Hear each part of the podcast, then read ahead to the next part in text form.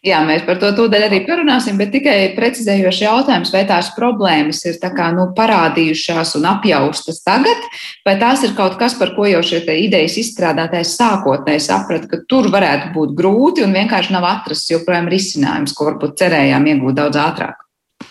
Esiet sveicināti redzījumā, zināmais nezināmajā. Ar jums kopā esmu es Sandra Kropa, un šodien mēs parunāsim par nākotnes ēdienkarti ļoti interesantā veidā. Proti par to, kā mūs sagaida ne tikai mākslīgā gaļa, bet arī mākslīgie piena produkti sevi jau ir pieteikuši. Par to visu sīkāk mēs runāsim ar mikrobiologu Jānu Lepiņu jau pavisam drīz, bet pirms tam parunāsim par zirņu pārstrādi vērtīgā olbaltumvielu avotā. Mērenā klimatiskā zona, kādā atrodas Latvija, ir piemērota pakšaugu audzēšanai, to skaitā arī zirņi te labi ienāks. Un iespējams nākotnē kā vērtīgs olbaltumvielu avots mūsu uzturā būs zirņu proteīna koncentrāts. Kā šo produktu iegūst? Par tā garšas un kvalitātes īpašībām vairāk interesējās mana kolēģe Zane Lāca Baltalksne. Samalti zirņi jau ir izsenis zināmi vairākās pasaules valstu virtuvēs.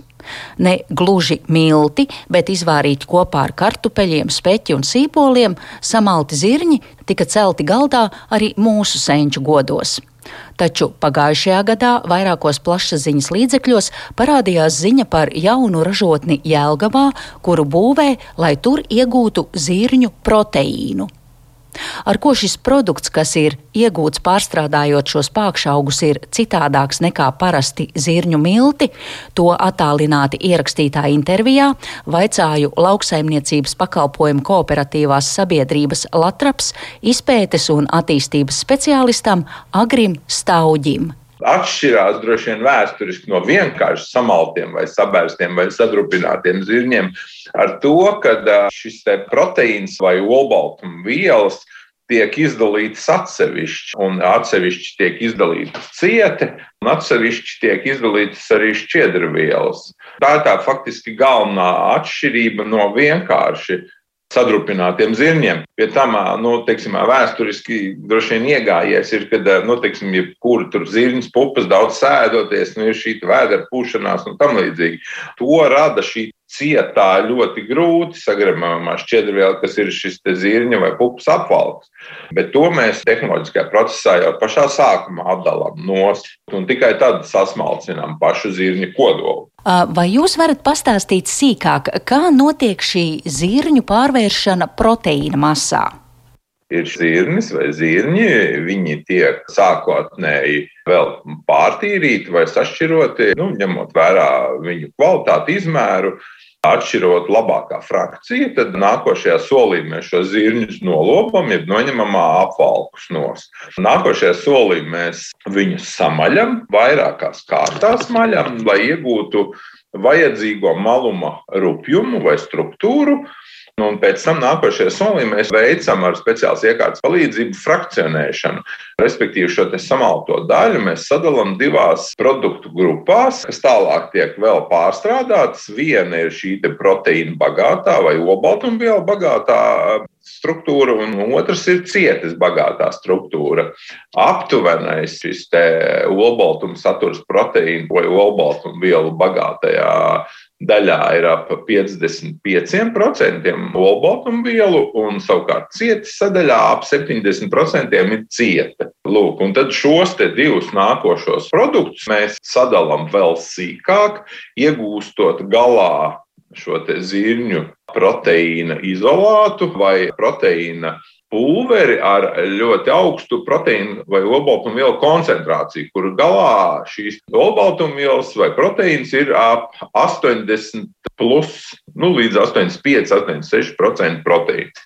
Savukārt no cietas frakcijas mēs iegūstam dabīgo cieti, kas ir ar 99% ciete, un vēl procesa laikā apstrādājot gan jau iepriekš noņemtos nost zirņu apvalkus, mēs iegūstam ekstrudētas šķiedrvielas un arī no šīs cietas apstrādes vai attīrīšanas mēs iegūstam šķīstošās šķiedrvielas nedaudz.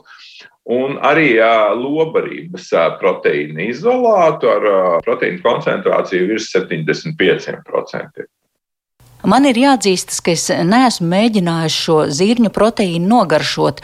Ir jāpiemina, ka šo produktu no dažādiem pasaules valstu ražotājiem jau kādu laiku var iegādāties gan ekoproduktu veikalos, gan arī var pasūtīt internetā.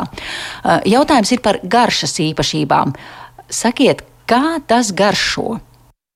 Zirņu garš šeit pamatā nav. Nu, var teikt, ka viņš ir gana neitrāls, ar neitrālu garšu šis pulveris, un tas mērķis arī ir, lai, teiksim, veidojot tālākos produktus, kur pievienot šis zirņu izolāts, ir mērķis, lai katrs var to gala produktu ražotājs, lai viņš viņu var dabūt, jo tur ir šīs 18 aminoskābes ļoti augstā koncentrācijā, un, un piedodot kā sastāvdaļu šo pulveri gala produktam, viņam nebūtu jādomā, kā izvairīties no šīs specifiskās garšas. Mēs neesam pret zirņu garšu, vienkārši nu, modernajā pasaulē un pārtiks industrijā, tomēr gala produktu ražotāji grib piešķirt savam produktam kaut kādu savu unikālu garšu, un, un, un tāpēc pasaulē pieprasījums ir pēc šāda gana neitrāla, bet ar ļoti augstu olbaltumu vielu saturu. Tā skaitā tur ir vairākas neaizvietojamās aminoskābes produkti. Vai es pareizi sapratu, ka šis zirņu proteīns ir kā sagatave, kā izēviela, lai ražotājs tālāk gatavotu kādu savu olbaltumvielām bagātu produktu vai ēdienu? Jā, jā viņš ir kā starpprodukts vai kā bāze, uz kuras tad gala produkta ražotājs var iegūt to, kas viņam ir nepieciešams, pie tam viņu sabalansējot tā, lai tas cilvēka organismam būtu maksimāli efektīvs. Pieredze no agrākiem laikiem zirņu audzēšanā, labvēlīgs klimats, tas ir mitrs un mērens, kas patīk šīm pākšaugu kultūrām, un zināšanas, ka zirņi ir labs olbaltumvielu saturs un aminoskābju avots. Tas bija pamatā izvēlei, lai zirņus pārstrādātu, tā teica Agris Stauģis. Bez tam arī nākotnes prognozes par pārtiks pieejamību pasaulē un Eiropas Savienības noteiktās vadlīnijas kultūra auga audzēšanā. Tad nu, šeit droši vien ir jāskatās no vairākām pusēm. Pirmkārt, kopējā Eiropas Savienības politika, lauksaimniecības politika ir vērsta uz to, ka lauksaimniecībā ir jābūt vairākām šīm maiņas vai augu sekas kultūrām. Un tauriņu zieži, tā skaitā arī šie zirņi un pulpas, ir ļoti vērtīgi augsnei, bagātinot augstu. Viņi ir ļoti vērtīgi kā priekšaugs, jo augšanas laikā viņi uzkrājas augsnē slāpekli gumiņu formā, kuru nākošais augstais augs. Augot pēc zirņiem, var izmantot, un pie tam viņš izmanto to ļoti pilnvērtīgi, daudz pilnvērtīgāk salīdzinoši ar mēslojumu, minerālu mēslojumu. Domāju. Jo tas ir organisks, šis slāpeklis, piesaistītais no gaisa.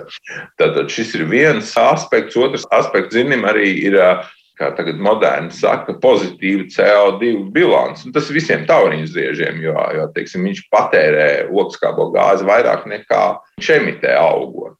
Un arī teiksim, uz 2000. 50. gadu prognozē, ka pasaule sasniegs 9,5 vai pat 10 miljardu cilvēku, viņi visi ir jāpabaro kaut kādā formā. Ja, un attiecīgi ir jāspēj pieaudzēt ar vien vairāk un vairāk šo izēvielu resursu, lai varētu saražot pārtiku. Un ir arī sarēķināts, lai e, cilvēki nu, viņus pabarotu, ir nepieciešami apmēram 200 60 miljonu tonu papildus proteīnu avotu, lai viņus varētu pabarot. Un tad, tad, ja mēs paskatāmies nu, šobrīd audzējumā kultūras sarakstā, tad teiksim, raps ir viens no šīm proteīnu bagātajām kultūrām, zirņu un pupas ir nākošās, kas ir gan ar augstu šo proteīnu saturu. Jelgavas ražotnē skatās, kā zirņus veiksmīgāk sadalīt olbaltumvielās un šķiedrvielās, un ir arī atrasts pielietojums zirņu apvalkiem. Atšķirībā no esošiem rūpnīcām, kas strādā, kur viņi neveic šo produktu sadalīšanu divās plūsmās un olbaltumu koncentrēšanu, pārējie ražotāji veic šī procesa tiešu ekstrakciju, respektīvi visu kopā uzreiz samalto zirni, uzreiz veica mitrā ekstrakcijā sadalot. Savukārt mēs vadījāmies pēc tā, ka doma bija nevis 23% proteīna ekstraģēt, kas ir zirnī, bet viņu koncentrēt pa priekšu un tad šo ekstrakciju veikt jau no 55%. Mēs diezgan esam mēģinājuši piedomāt arī pie tiem apvalkiem, ko mēs tur sākumā noņemam.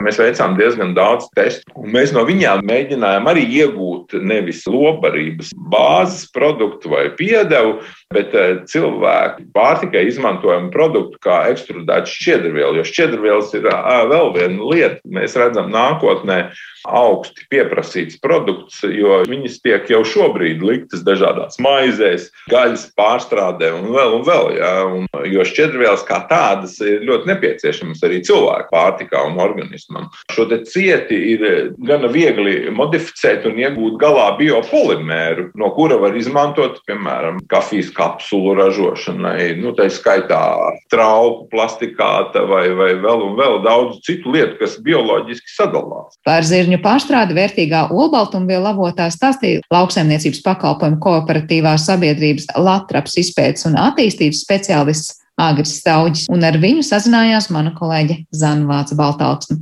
Bet par mākslīgo gaļu un mākslīgajiem piena produktiem, kā tos iegūst un kādus izaicinājumus tie jau radījuši, mēs runāsim raidījuma turpinājumā. Jā, mēs par to tūdaļ arī parunāsim, bet tikai precizējoši jautājums, vai tās problēmas ir kā, nu, parādījušās un apjaustas tagad, vai tās ir kaut kas, par ko jau šie idejas izstrādātājs sākotnēji saprata, ka tur varētu būt grūti un vienkārši nav atrasts joprojām risinājums, ko varbūt cerējām iegūt daudz ātrāk. Mākslīgā gaļa vairs nav futuristisks sapnis par nākotnes uzturu. Jau šobrīd laboratorijā audzē īsta dzīvnieku gaļu uzturam, un ne tikai gaļu, bet arī piena produktus visai drīzā nākotnē mēs varētu iegūt pilnīgi citos apstākļos. Vai laboratorijā audzētie dzīvnieku izcelsmes produkti radīs apvērsumu mūsu virtuvēs, un kā zinātnieki ir nonākuši līdz šādam risinājumam, par to visu turpmākajās minūtēs mēs runāsim mūsu attālinātajā studijā, kad man ir pievienojies Latvijas Universitātes mikrobioloģijas un biotehnoloģijas institūta vadošais pētnieks Jānis Liepiņš. Sveiks, Jāni! Sveiki! Liekas, ka jau pirms daudziem, daudziem gadiem, kāds 13. 2000 varēja būt gads, kad mēs tā kā vairāk pasaulē sākām runāt par to, ka iespējams mums būs mākslīgās gaļas burgeri, un, protams, tie sākotnēji maksā ļoti, ļoti dārgi, bet ar laiku tiek kļūšot, nu, tā kā demokrātiskāki un pieejamāki. Kā šobrīd izskatās, vai tas kādā virzienā pasaulē iet šī mākslīgās gaļas, nu, ja mēs šobrīd runājam par gaļas produktu, um, iegūšana, nemaz neizmantojot dzīvniekus, ir pavirzījusies krietni lieliem soļiem uz priekšu. Vai gluži otrādi, varbūt teiks, ir vairāk apjausti aspekti, kuros mums jādomā, ka nu, tik vienkārši viss nebūs, kā sākotnēji likās. Man šķiet, ka salīdzinot ar apmēram desmit gadus senu pagātni, uh, interese kā reiz augusi, uh, ir uh, ļoti daudz pētniecības uh, vai, vai, vai startup kompānijas dažādās pasaules nostūros, kas ar to mēģina nodarboties. Un uh, man šķiet, ir arī vismaz uh, nu, bagātie, bagātākajās pasaules valstīs ir arī uh, patērētājs, kas būtu gatavs to pirkt. Tomēr ir uh, vairākas nopietnas problēmas, kuras līdz galam tā aizvien nav izdevies atrast. Man šķiet, ka mums vispirms jāatkāpjas viens solis atpakaļ un jāparunā par to, kā to gaļu vispār var mākslīgi ražot. Tad mēs identificēsim tās problēmas. Jā, mēs par to tūdaļ arī parunāsim, bet tikai precizējoši jautājums, vai tās problēmas ir kā, nu, parādījušās un apjaustas tagad, vai tās ir kaut kas, par ko jau šie idejas izstrādātājs sākotnēji saprata, ka tur varētu būt grūti un vienkārši nav atrasts joprojām risinājums, ko varbūt cerējām iegūt daudz ātrāk. Man šķiet, ka pirms desmit gadiem varbūt bija zināms optimisms, ka uh, varētu laika gaitā atrast veidu, kā samazināt izmaksas uz uh, audzēšanas vides rēķina un varbūt enerģijas rēķina. Tā tomēr uh, laikam tas uh, dramatisks, kā būtisks samazinājums uz tā rēķina nav noticis. Ir varbūt dažas citas optimistiskākas lietas notikušas. Mums ir 3D printēšana parādījusies kā būtisks spēlētājs, lai iegūtu dažādas lietas, tostarp gaļas. Uh, tā kā to desmit gadus atpakaļ varētu, nu, nevarēja paredzēt, ka tas tik veiksmīgi aizies. Tagad, acīm redzot, ir aizgājis. Uh, nu, bet šie te gaļas, uh, mākslīgās gaļas burgerīši vēl aizvien maksā 100, 100 eiro, nevis uh, desmitus vai, vai dažus eiro, kā varbūt mēs to gribētu. Nu, ko parunāsim par to atkal un atkal par to, kā iegūst. Sāksim ar šo mākslīgo gaļu, lai gan uzreiz varu klausītājiem pateikt, ka šodien parunāsim arī par piena produktiem, kas arī, saprotu, ir sev pieteikuši tā kā, nu, ka laboratorijā varētu iegūt nemaz tad ne tuvu nesot, varbūt tur govju fermām dažādus piena produktus, bet ja par gaļu runājam, kas ir tā galvenā ideja? Tā tad es saprotu, ir kaut kādas šūnas, kas tiek iegūtas, un pēc tam paņemot kādu, es nezinu, muskuļu konkrētu šūnu fragmentu no reālas govs, piemēram, tad es saprotu, mākslīgi var uzaudzēt šīs pašas govs reālu gaļu. Te nav stāsts par to, ka mēs šo gaļu aizvietojam ar kaut ko, kas vispār dzīvniekam tūlīt nav stājis. Jā, patiesībā tiešām. Vai tā ir gaļa, kas ir nākusi no nogalināta dzīvnieka, vai tā ir gaļa, kas ir tapusi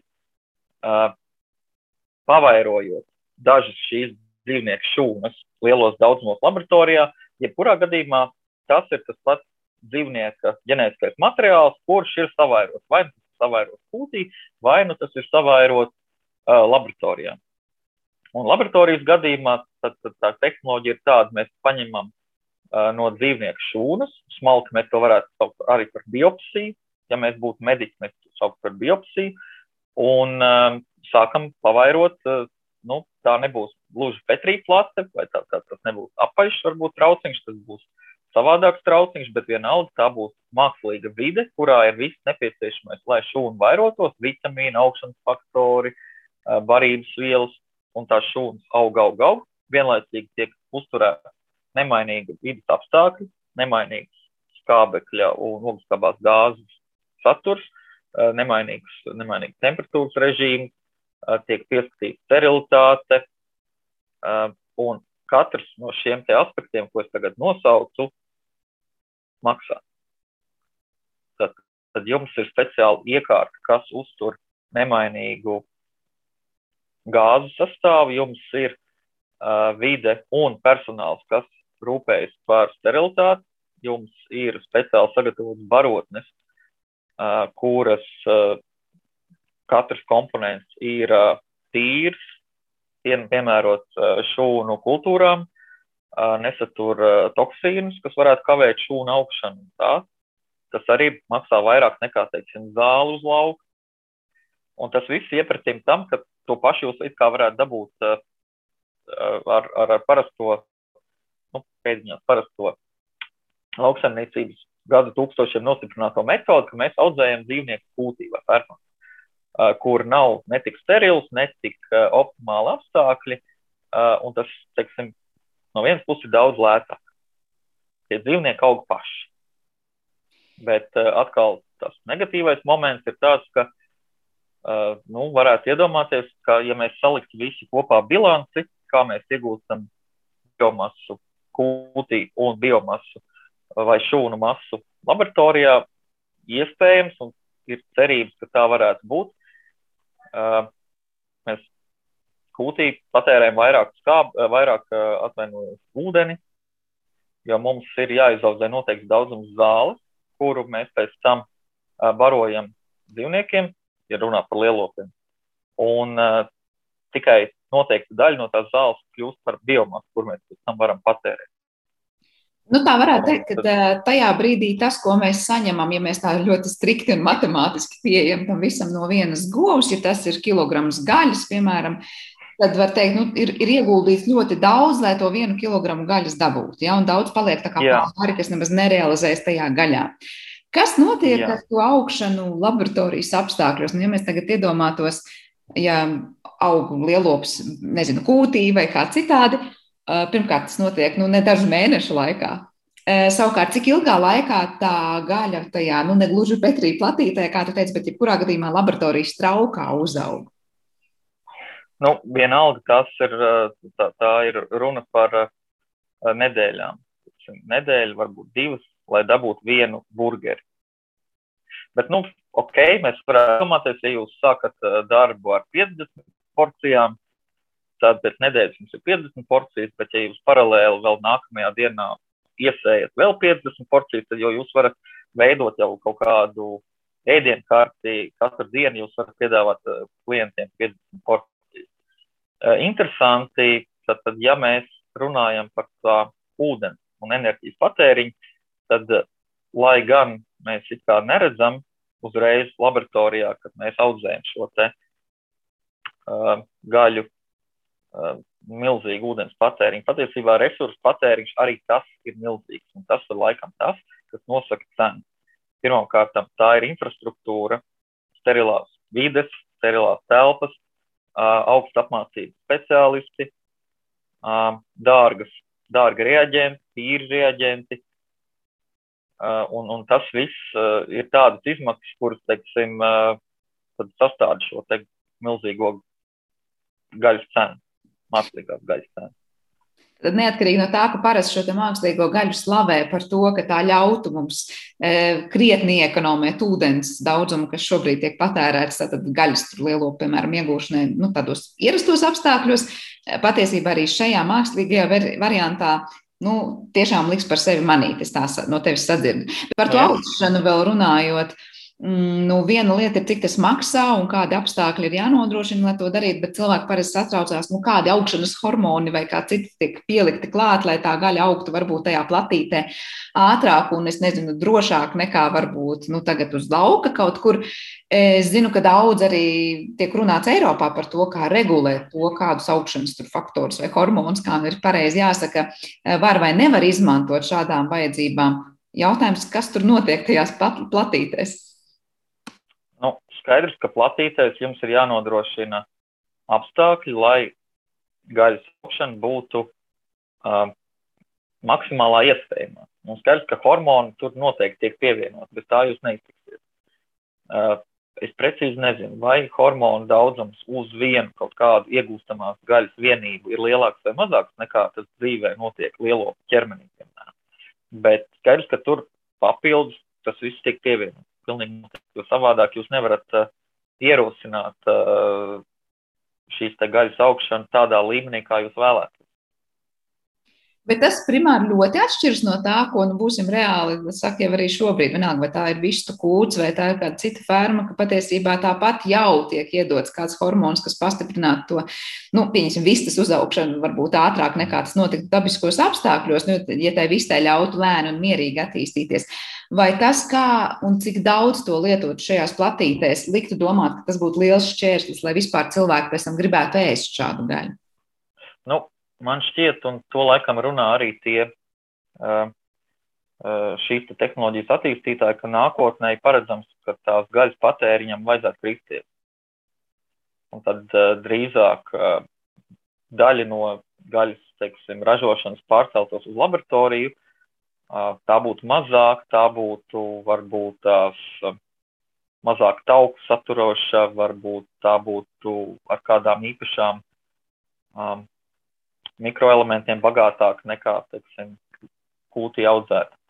Bet eh, tā būtu dārgāka un, un jūs to ēst netik bieži. Tādējādi, ja tur arī būtu šie te hormoni vai antibiotikas, kuras tur, es domāju, neizbēgam būtu klāt eh, pievienotas, tad uh, summāri patērētājiem nevajadzētu teiksim, iegūt vairāk šo te papildus vielu nekā tad, ja viņš ikdienā ēd daudz, teiksim, konvencionāli ražotas gaļas. Par to sterilitāti runājot, arī teica par antibiotikām. Nu, pavisam noteikti tāda gaļa būtu jāpieskata, lai, kā saka, tur nesavairojas kāds nevajadzīgs, uh, nevajadzīgi mikroorganismi.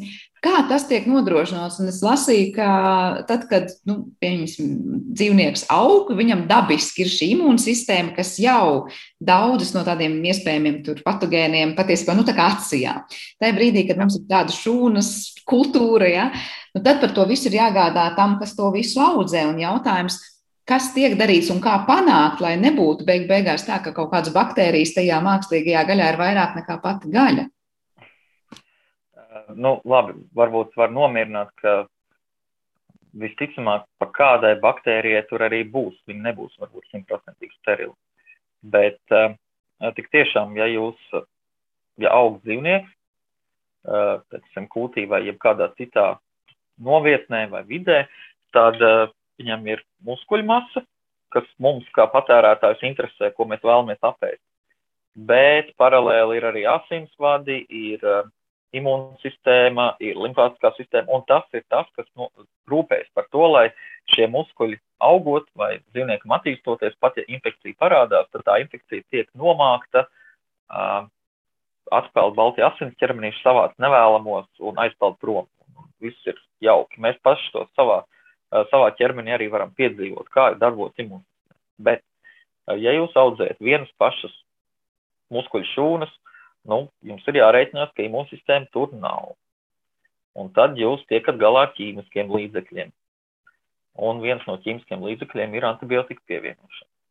Tā tas vienkārši neizbēgami sanāk. Nu, varbūt var arī savādāk mēģināt uh, darboties, lai visa ražošanas līnija būtu supersterila, tad, tad bez uh, vispār iespējas, ka tur kaut kas varētu būt uh, piesārņots un, un, un jūs audzējat varbūt arī bez antibiotikām. Bet tad es varu ļoti dzīvi iztēloties, uh, cik ļoti varētu palielināties gala produkta cena, ieviešot šos papildus drošības līmeņus. Tik tiešām mums ir preparāti, kurus uh, ražo bez antibiotikām, uh, piemēram, insulīnu vai, vai, vai, vai augšanas hormonus ar baktēriju palīdzību. Bet tad jūs runājat par farmaceitisku ražošanu, kur gala produkts jau maksā simtiem eiro vai tūkstošiem eiro kilogramā, un uh, jūs kā pacienti to visu akceptējat. Bet šeit laikam tas mērķis ir, ka mēs neražosim zāles, bet mēs ražosim ēdamu produktu, kur tas sagaidāmā, tas, tas sagaidāmais uh, cena ir nu, nevis simti, bet varbūt daži desmit eiro. Nu, sanāk tā, ka tā mākslīgās gaļas audzēšana patiesībā nozīmē tiem audzētājiem visu laiku imitēt tādu reālu dzīvu organismu. Tas, ko tad, tad organismā veids tur asinsrita un citas sistēmas, šeit viss tiek nodrošināts un visu laiku ir jāskatās, jākalkulē un jā, jāuzman un jāpievada un jāatvada, kas, protams, skatāmies, kā gribam, maksās krietni dārgāk nekā tad, ja tā konkrētā, piemēram, govs aug kaut kur pūtī. Bet tu minēji sarunas sākumā šos 3D printerus un gaļas audzēšanu un to, ka nebijām gaidījuši, ka tāda parādīsies. Kurā brīdī tie mums palīdz, var teikt, nu, risināt tās vidas un ētikas problēmas saistībā ar mākslīgās gaļas iegūšanu? Kurā brīdī tieši nu, to 3D printeri mēs vairāk liekam kā risinājumu? Nu, laikam tas 3D printeris parādās tajā brīdī, ka jūs varat uh, izaudzēt uh, vairākas šūnu kultūras. Teiksim, lūk, jums ir muskuļu šūnas, jums ir taukaudi, un jums ir uh, varbūt saistaudi. Pieņemsim, trīs šūnu līnijas, un ar 3D printeri jūs vienkārši mainot, nu, darbojaties ar šīm šūnu kultūrām kā ar krāsām un jūs varat uh, izprintēt steiku vai izprintēt kādu trīs dimensionālu objektu, ko jūs kā gaļas ēdājs identificējat kā steiku, kotlete vai kā kaut ko citu, kam ir kaut kāda faktūra, kur ir ne tikai muskuļi, bet ir arī kāds šķiedrviela vai kāds mm, tauku fragments, kuru pēc tam cepjot, jums tiešām rodas sajūta, ka jūs ēdat kaut ko, kas ir bijis kūtī, kas ļoti atgādina, teiksim, cauraudzīt vai kaut ko tādu.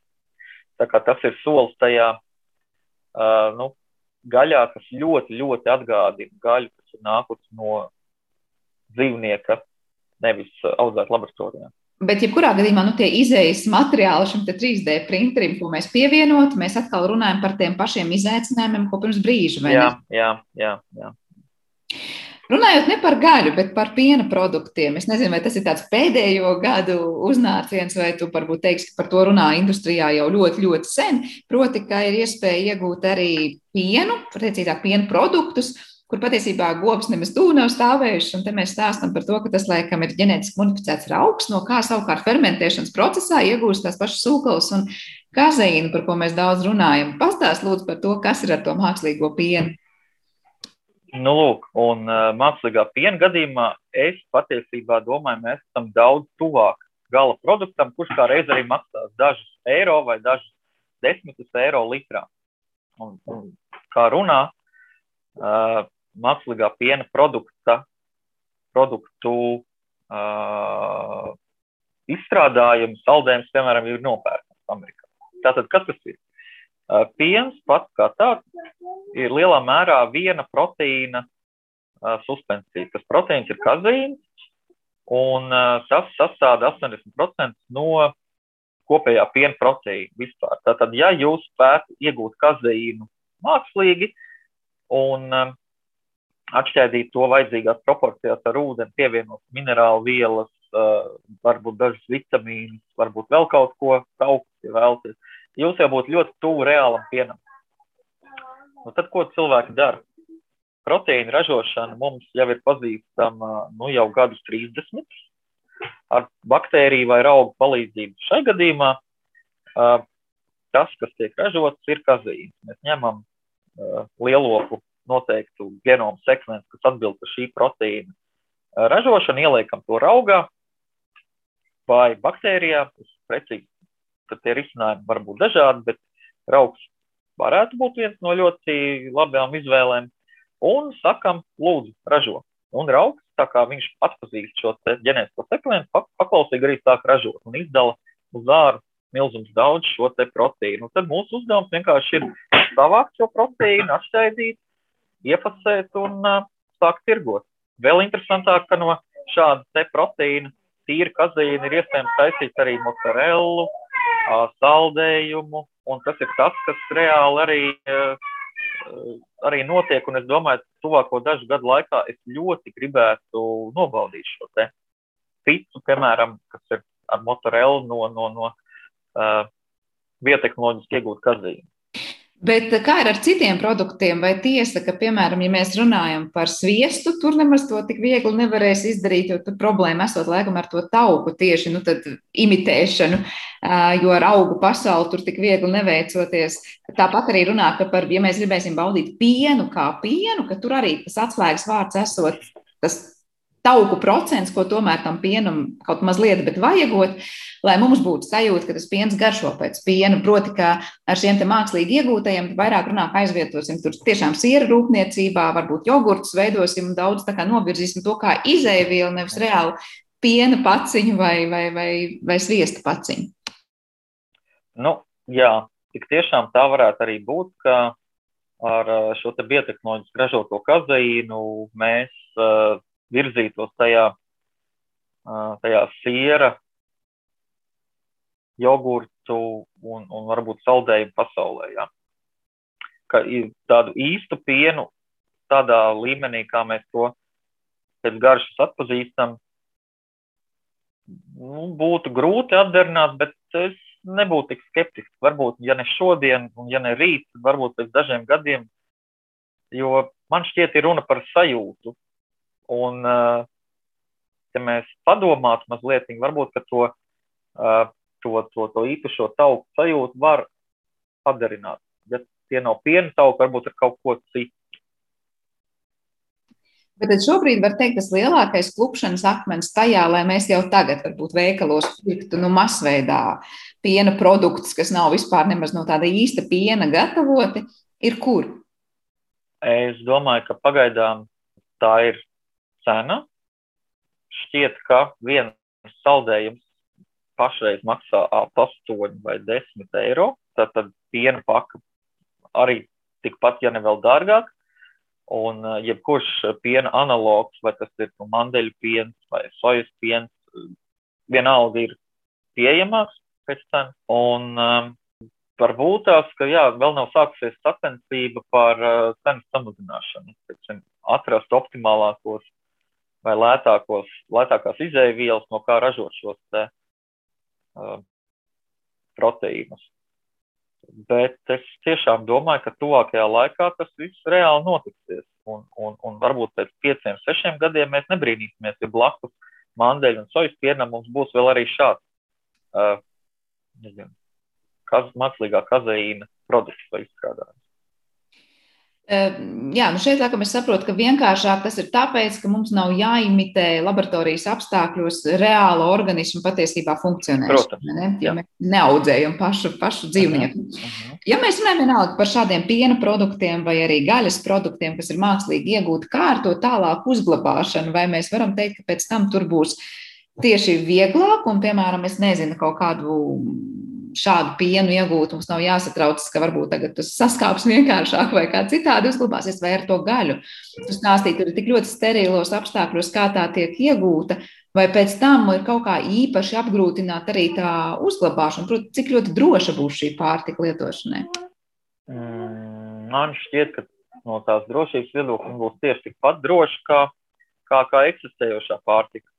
Gaļas gadījumā, ja ražojot, uh, ir ievērot daudz šīs tīrības standarti, varbūt tā būs pat vēl drošāka nekā, uh, nekā konvencionāli ražot uh, gaļa.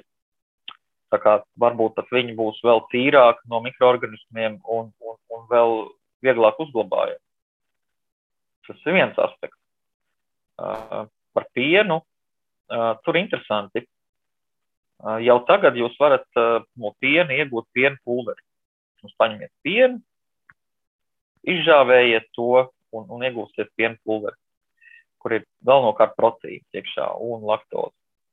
Vai arī jūs varat to laktozi atdalīt un tad iegūt mm, proteīnu pulveri. Tad šai gadījumā jūs iegūsiet, jūs varat iegūt kā gala produktu tīru proteīnu pulveri. Un šis produkts īstenībā glabājās vēl labāk nekā šķidrs piens.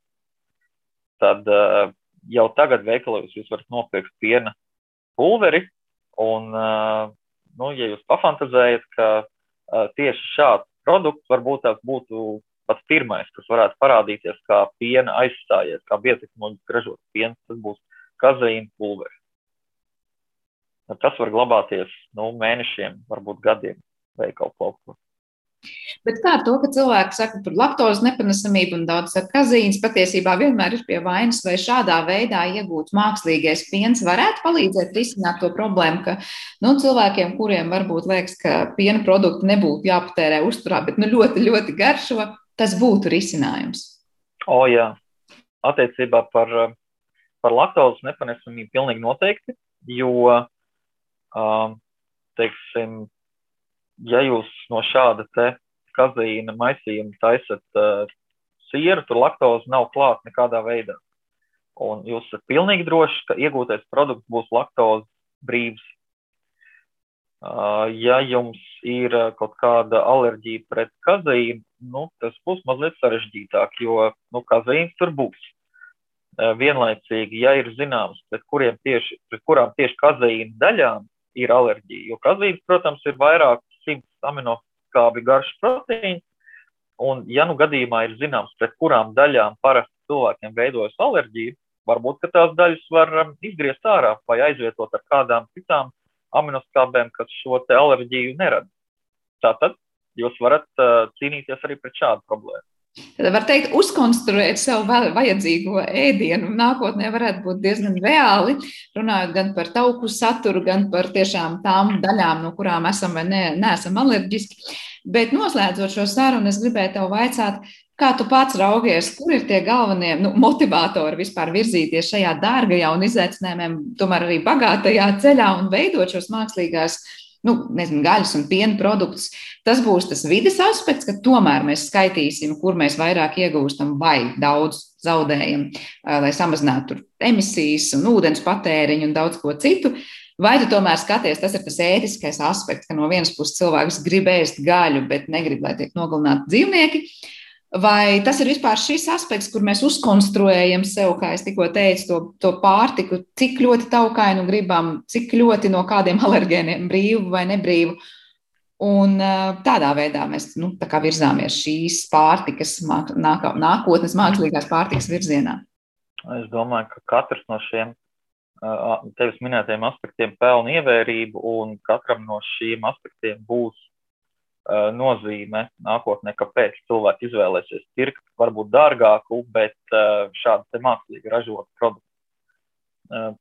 Man šķiet, ka vismaz attiecībā uz to pienu, tas vidas aspekts būtu ļoti, ļoti, ļoti svarīgs. Tie simti litri, kas ir nepieciešami, lai iegūtu vienu litru uh, piena no govs, man šķiet, ir ļoti būtisks arguments, lai meklētu iespējas to ražot uh, savādākiem līdzekļiem. Tad, uh, jā, ētiskais aspekts un uh, šis bezvainīgais burgers uh, noteikti daudziem cilvēkiem tas liek aizdomāties jau tagad, un kādam tas noteikti būs arguments. Un, uh, jā, arī tas, ka būs vienmēr cilvēku grupa, varbūt tā nebūs pārāk liela, bet kuram būs ļoti svarīgs tas medicīniskais aspekts. Un, ja jūs varat ar pārtiku, mainot pārtikas sastāvu, piedāvāt cilvēkiem, kas, piemēram, nepanes laktozi, pilnīgi laktozi brīvu produktu, man liekas, tas ir brīnišķīgi. Jā, tā kā viss trīs no minētiem. Jā, nu vienīgais, es domāju, gan jau, ka vēl dzirdēsim līdzīgi kā šobrīd uzvirmo šīs diskusijas, vai tiešām tie vidas aspekti ir tik ļoti, nu, var teikt, iegū, iegūstami, kā saka, par labu, ja mēs runājam par uh, mākslīgo gaļu, kā sākotnēji domāts, ka varbūt tas enerģijas patēriņš, kas ir, lai vispār uzražotu tur kilogramu gaļas, varbūt ir tik liels, ka, nu, mēs šobrīd nevarētu teikt par emisiju brīvu gaļu, bet, uh, laikam, nu, pilnīgi emisiju brīvu tā nebūs nekad. Jautājums tikai, cik lielās proporcijās mēs par to runājam, un droši vien, ka eh, nevienu vien aspektu, par kuru aizdomāties un kur risināt, kā tad to apiet, mēs vēl dzirdēsim. Jā, liels paldies tev par šo sarunu. Es atgādināšu klausītājiem, ka šajā raidījuma pusstundā mēs bijām kopā ar Latvijas Universitātes mikrobioloģijas un biotehnoloģiju institūta vadošo pētnieku Jānu Liepiņu.